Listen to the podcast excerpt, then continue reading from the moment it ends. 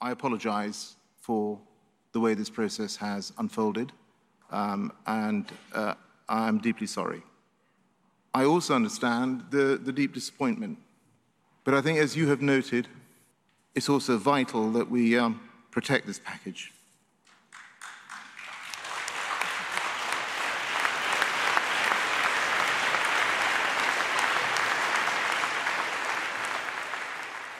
Ovim rečima se predsjednik samita o klimatskim promjenama u Glazgovu, britanski ministar Alok Sharma, obratio delegatima nakon intervencije Indije na samom kraju pregovora kojom je iz teksta završnog sporazuma razvodnjeno opredeljenje da se upotreba uglja ukine u potpunosti.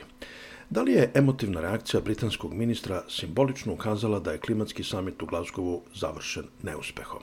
Postignut je dogovor da se upotreba uglja i metana smanji, da se ukinu subvencije za proizvodnju uglja i energije koja se od njega dobija, kao i da se intenzivira pošumljavanje ali siromašnije zemlje direktno pogođene klimatskim promenama nisu od bogatog sveta dobile garancije oko finansijske pomoći da lakše prežive posljedice klimatskih promena. I ono najvažnije, cilj da se prosječan rast temperature ograniči na 1,5 stepen Celzijusa u odnosu na predindustrijsko doba, za sada ostaje samo ideal, kome će se i dalje težiti, ali koji je daleko od ostvarenja. Dobrodošli u novi radio karantin posvećen klimatskim promenama. Ja sam Aleksandar Kocić. Moji gosti danas su profesor na Mašinskom fakultetu u Beogradu Aleksandar Jovović, koji je bio angažovan u izradi nacionalne strategije Srbije za prelazak na čistije izvore energije, Daniela Božanić, koja je između ostalog bila u ekspertskom delu srpske delegacije na klimatskim pregovorima u Parizu i vanredni profesor meteorologije na Fizičkom fakultetu Univerziteta u Beogradu Vladimir Đurđević. Sa njima danas tražim odgovor na pitanje šta su dometi samita u Glazgovu, kakve će biti njegove posljedice i kuda dalje u borbi za spas planete.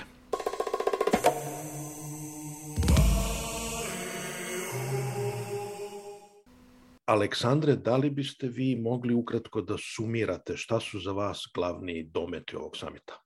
Ono što se meni jako svidelo od svih tih raznih aktivnosti, to je u svakom slučaju ovo što se dešava oko metanske inicijative, jer je to meni negde onako tehnički tehnički blisko i sad je baš zanimljivo kako svet vidi, na primer, tu, tu metansku inicijativu i kako je naravno u Srbiji vide. Sve ono što očekujete da je, kad je u pitanju metanska inicijativa, kad je, kad je sektor energetike, to vidite da je u stvari u svetu se više ne pominje, jer taj deo je potpuno rešen ovaj, kad su u pitanju ovaj, energetski sektori, ali je ostao naravno deo koji se odnosi na kopove, podzemna, podzemne kopove, emisije metana, na ogromnu poljoprivredu, gde oni delovi koje mi uopšte ne možemo još ni da pojmimo, ni da shvatimo, koji se odnose na na preživare, znači na stoku i tako dalje, i onaj deo koji se naravno ovaj, odnosi na zemljište i normalno otpad i otpadne vode, koje su uglavnom rešene u belom svetu i ole pristojnom, a ovde su ostale i dalje kao ogroman problem. A, imate, znači, proračun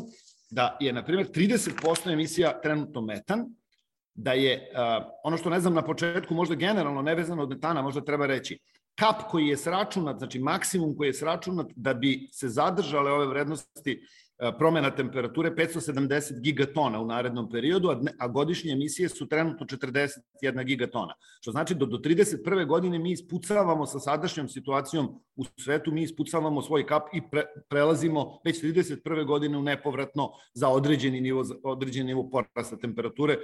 Zato i napravljeni su proračuni za koliko su moguća smanjenja, pogotovo na primjer u, u sektoru metana i tako dalje, do kog procenta u periodu do 30. odnosno do 50. godine i ono što je sada da ulazimo u svaku brojku posebno, ono što je zanimljivo, cena za tih pet ključnih privrednih oblasti, oni je zovu industrijskih, nisu industrijske, pošto je tu i ovaj, znači poljoprivredna nafta i gas, kopovi uglja, otpad i otpadne vode, znači to su cele oblasti, cena smanjenja je 25 dolara po toni, što je daleko manja cena nego što je trenutno cena e, e, tone ugljen dioksida na, na tržištu. Što znači da su vrlo povoljni, me, povoljne tehnička rešenja u onom delu mitigacije, znači smanjenja u odnosu na sve drugo. Daniela, šta su za vas glavni dometi e, samita? Da li je to ovo da će ugalj da, da su fosilna goriva pa prvi put ušla u završni tekst, da li je ovo oko pošumljavanja,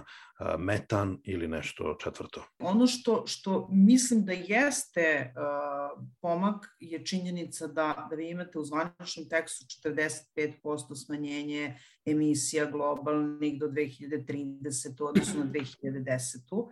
Prvo, to je pomak jer sama, samo izražavanje prema 2010 prosto daje mnogo realniju sliku. Mislim, krenite od Srbije, tako i u većini zemalja. Vi kad izražavate emisije na 90. godinu, to je vrlo, vrlo diskutabilno koliko je zaista smanjenje smanjenje i koliko već niste postigli ta smanjenja.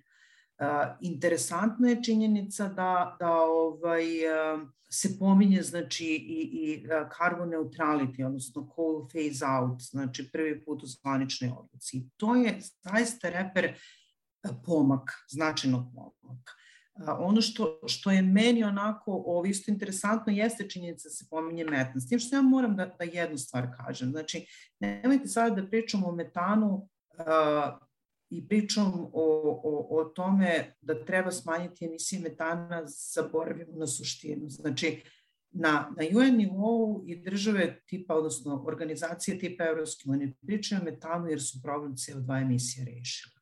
Svet je, Indija je rešila problem otpada i otpadnih voda. Znači, mislim tako reći, mi, mi smo ostali stvarno negde zaglavljeni u nekoj prošlosti daleko Ove, ovaj, tako da, da prosto znači jeste interesantna, interesantna ta, taj deo priče. Interesantno je da takođe da, da ovaj, ono što je negde, negde isto jako bitna priča što se možda čini da nije, da je završen većim delom taj deo koji se tiče e, monitoringa i izveštavanja, znači zajedničkih forma, formata izveštavanja i, i monitoringa, odnosno izveštavanja, što je jako bitno jer vi prosto iz toga vidite zaista kad imate zajednička pravila gde je ko, znači ne postoji mogućnost za Mislim, ne postoji, uvek postoji, ali je manja mogućnost da tako kažem, da, da se improvizuje i da zaista države prikazuju neka svoje smanjenja kako, kako već se njima sviđa. E, interesantno je da, da ovaj, je u zvaničnom dokumentu su definisani e, cilje, ciljene godine za sledeće, svaki od sledećih e, NDC-eva. Znači, prosto nemate sad više onaj dijapazon da vam neko šalje da kaže e, ja ću smanjiti emisije do 2000 30. neko 32. neko do 24. Mislim, prosto to su stvari koje nekako, da tako kažem, streamlinuju stvari. Verovatno su očekivanja mnogo bila veća. Ja lično ne mislim da, da, da je ovaj, konferencija ono kompletan promašaj. Mislim da je onako jedan značajan korak. Eto. Vladimire, e, kažu e, vaše kolege koje se bave istraživanjem klime da sa ovim što je postignuto u Glazgovu, mi smo još uvek daleko od onog ideala da se rast globalne prosječne temperatura zaustavi na 1,5 stepen Celzijus u odnosu na predindustrijsko doba i da smo sada verovatno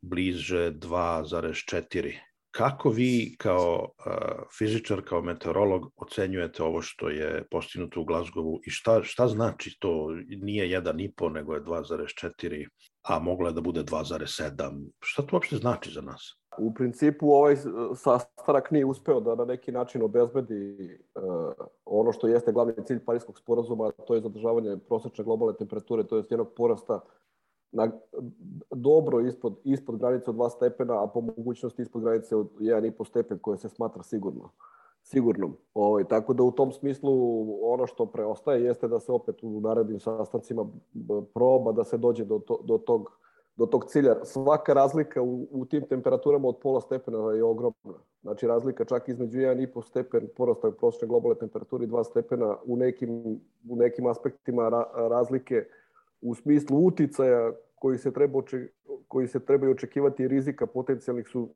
prilično velike. Radi se o, o velikom broju ljudi na planeti Zemlji u raznim državama koji će da, da, da trpe drastične promene klime zbog toga što će potencijalno temperatura se zustavi na 2 stepena, a ne recimo na 1,5. A da ne pričamo o tome da se, da se zustavi na 2,4 ili možda na 2,7.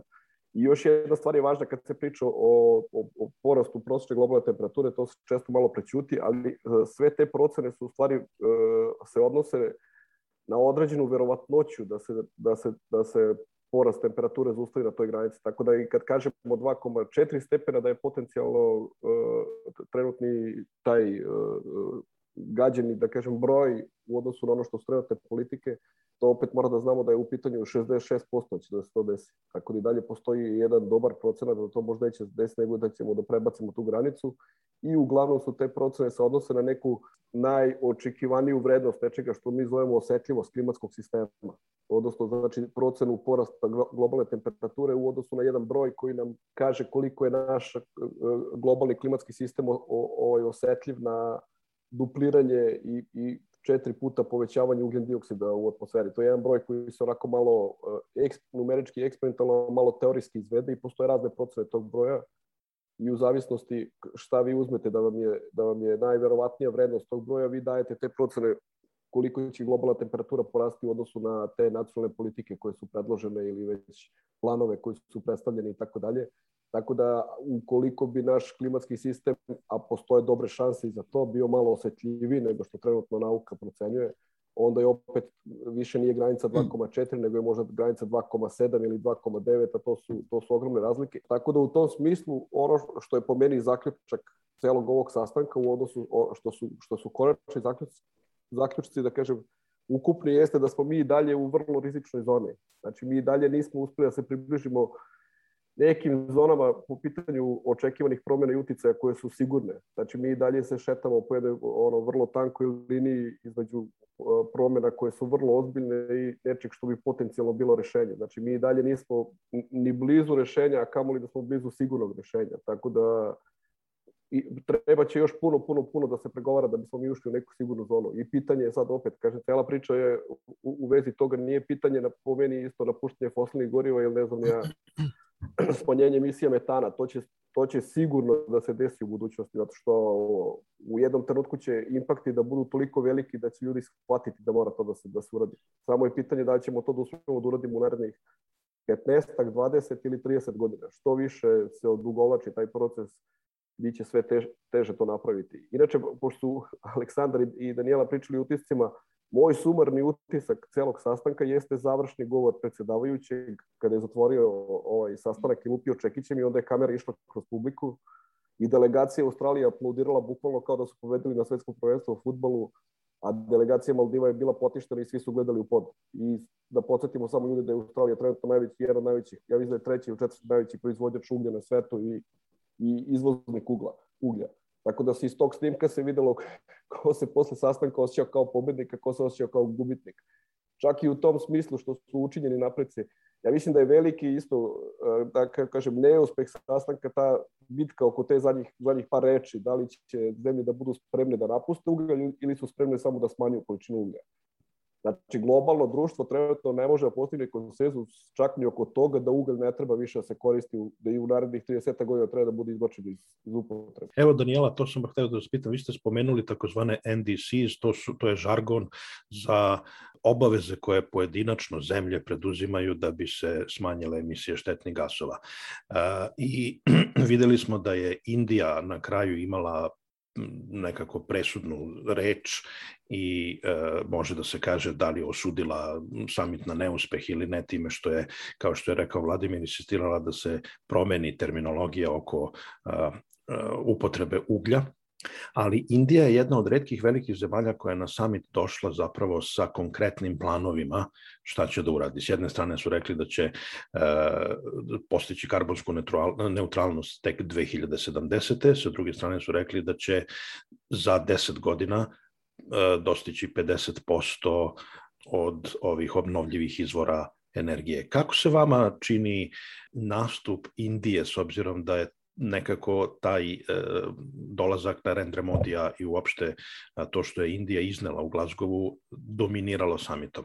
Vi imate inicijativu za izbacivanje uglja o kojoj imate 160 članova, razumete, znači 160 učesnika, što, što država, što firmi, što kompanija, mislim, prosto ovaj konsenzus u kojem, u kome je Vladimir pričao da ne može se postići, ne može se postići, svi znamo zašto, zato što postoje neki interesi, ti interesi prevashodno dolaze od kompanija. I iskreno kažem, meni je E, mnogo bitnije kad vidim da neka kompanija ozbiljno velika odustaje od uglja nego, nego kad neka vlada kaže da će da odustane od uglja. A, što se tiče Indije, Indija ozbiljno radi, znači nije, mislim kako bih rekla, Indija, Kina, mislim, to su, to su koliko god nama izgledaju uh, ne, kao, kao neuređena ili društva koje ne želimo, na koje ne želimo da ličimo, oni su mnogo ozbiljnije društva i države nego mi.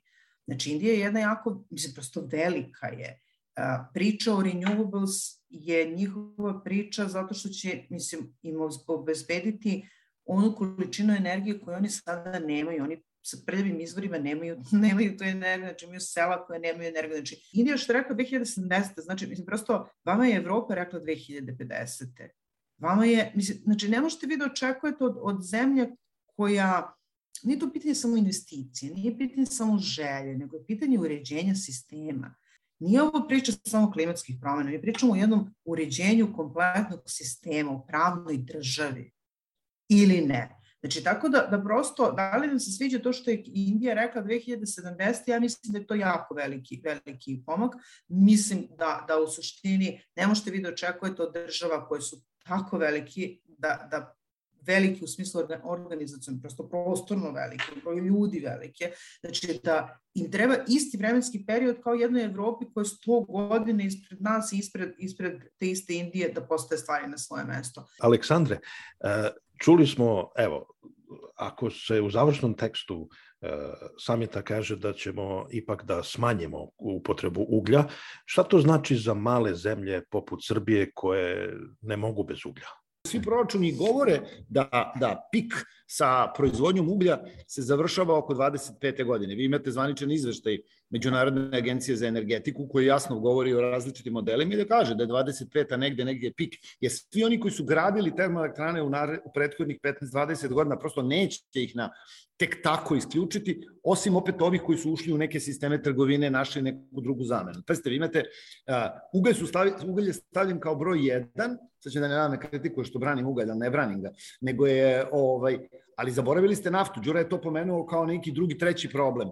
Znači, vama su, vama je uh, nafta koja je gorivo, mislim, isto prošlog veka, ovaj, i dalje užasno prisutna, ali to je to je takođe sasvim logično. Vi imate ogromni interes, nema tu nikakvih zavera, to su ogromni interesi ogromnog broja ljudi koji živi na tim teritorijama.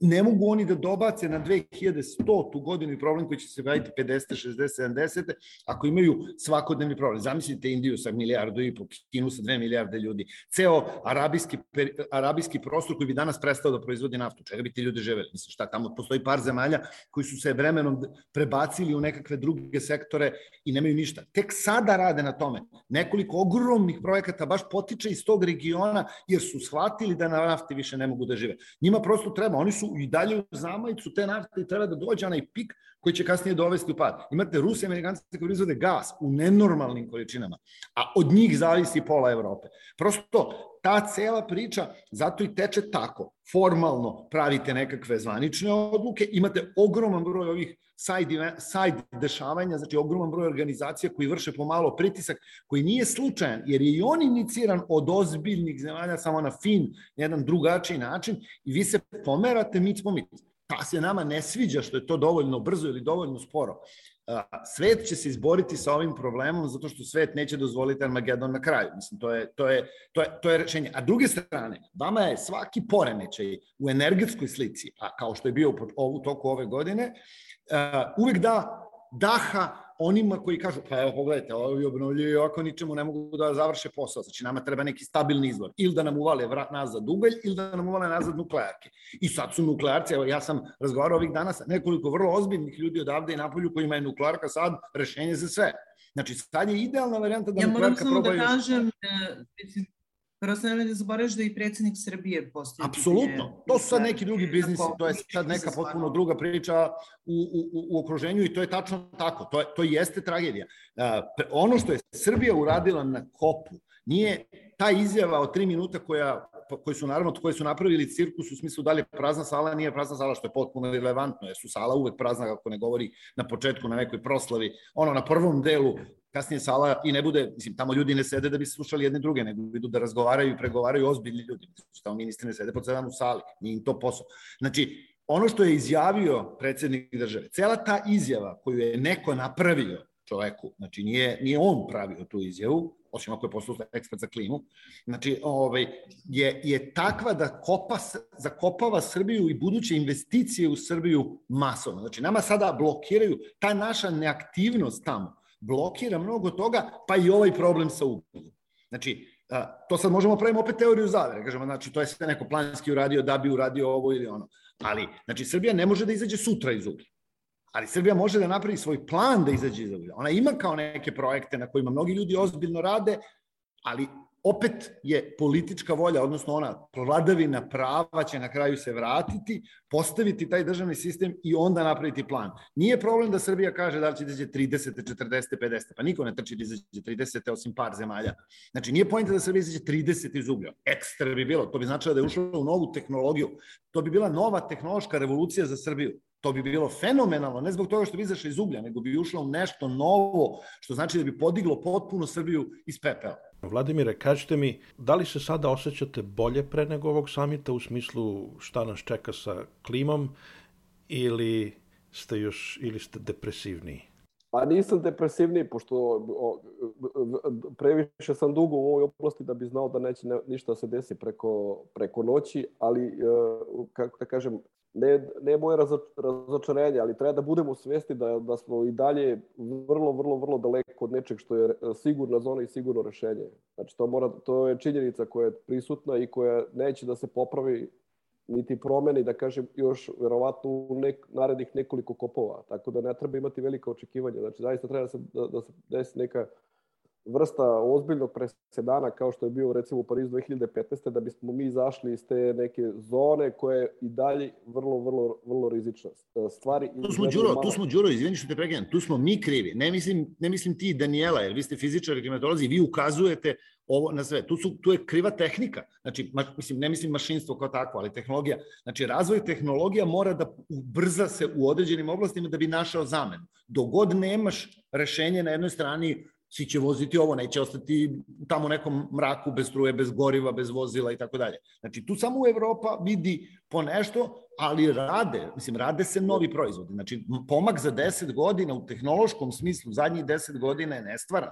Ja sam rekao možda i prošli put moja želja za ovaj kop je bio da se donesu neke važne odluke u smislu da bi budući kopovi bili sve manje i manje važni, a ne sve više i više važni. A mislim da i dalje nismo prešli preko te granice da svaki, dobro, da. svakog, da od svakog sledećeg kopa očekujemo da bude sve manje važan. I dalje će, imaćemo još nekoliko verovatno sastanaka u budućnosti od kojih će da budu očekivanja sve više i više i više i više.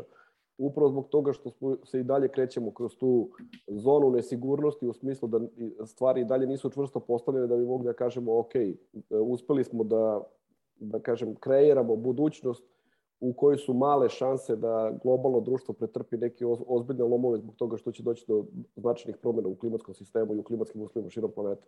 Tako da ja, ja bih voleo i iz ličnih razloga, iz globalnih, da kopovi postanu što manje važni, pošto mislim da ovaj, kad, kad dođe ovaj period, onda je stvarno, eh, kako kažem, više malo kao da ste u nekom danu mrmota, vidite okoli da objašnjavate stalno ljudima Znate, pa nemojte očekivati puno tih sastanaka, pa to je komplikovano, pa to su pregovori, pa to je konsenzus, pa zbog čega je ovaj rekao ovo, rekao ono. Tako da bi, kažemo, ono, volao bih da se, da kopovi u stvari postaju sve manje i manje zanimljivi i važni sastanci u smislu da se jedan put donesu neke strateške odluke koje će posle da budu jednostavno rutinski implementirane, da kažem da ćemo toga svi držati i da nećemo imati potrebe više da ovo vidimo kao pretnju pošto klimatske promjene nisu jedinja pretnja na, na, na našoj planeti. Bio je to profesor Vladimir Đurđević u razgovoru za Radio Karantin. Uz njega moji gosti bili su Danijela Božanić i Aleksandar Jovović.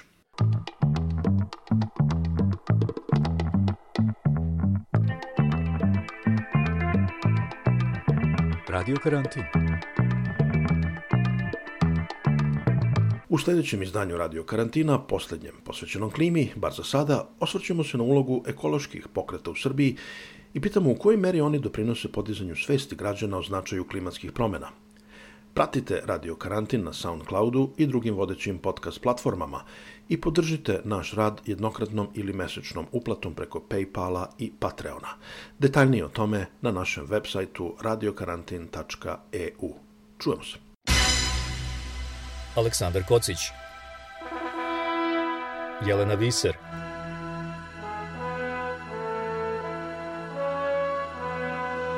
Radio Karantin. Hronika istorije u nastajanju.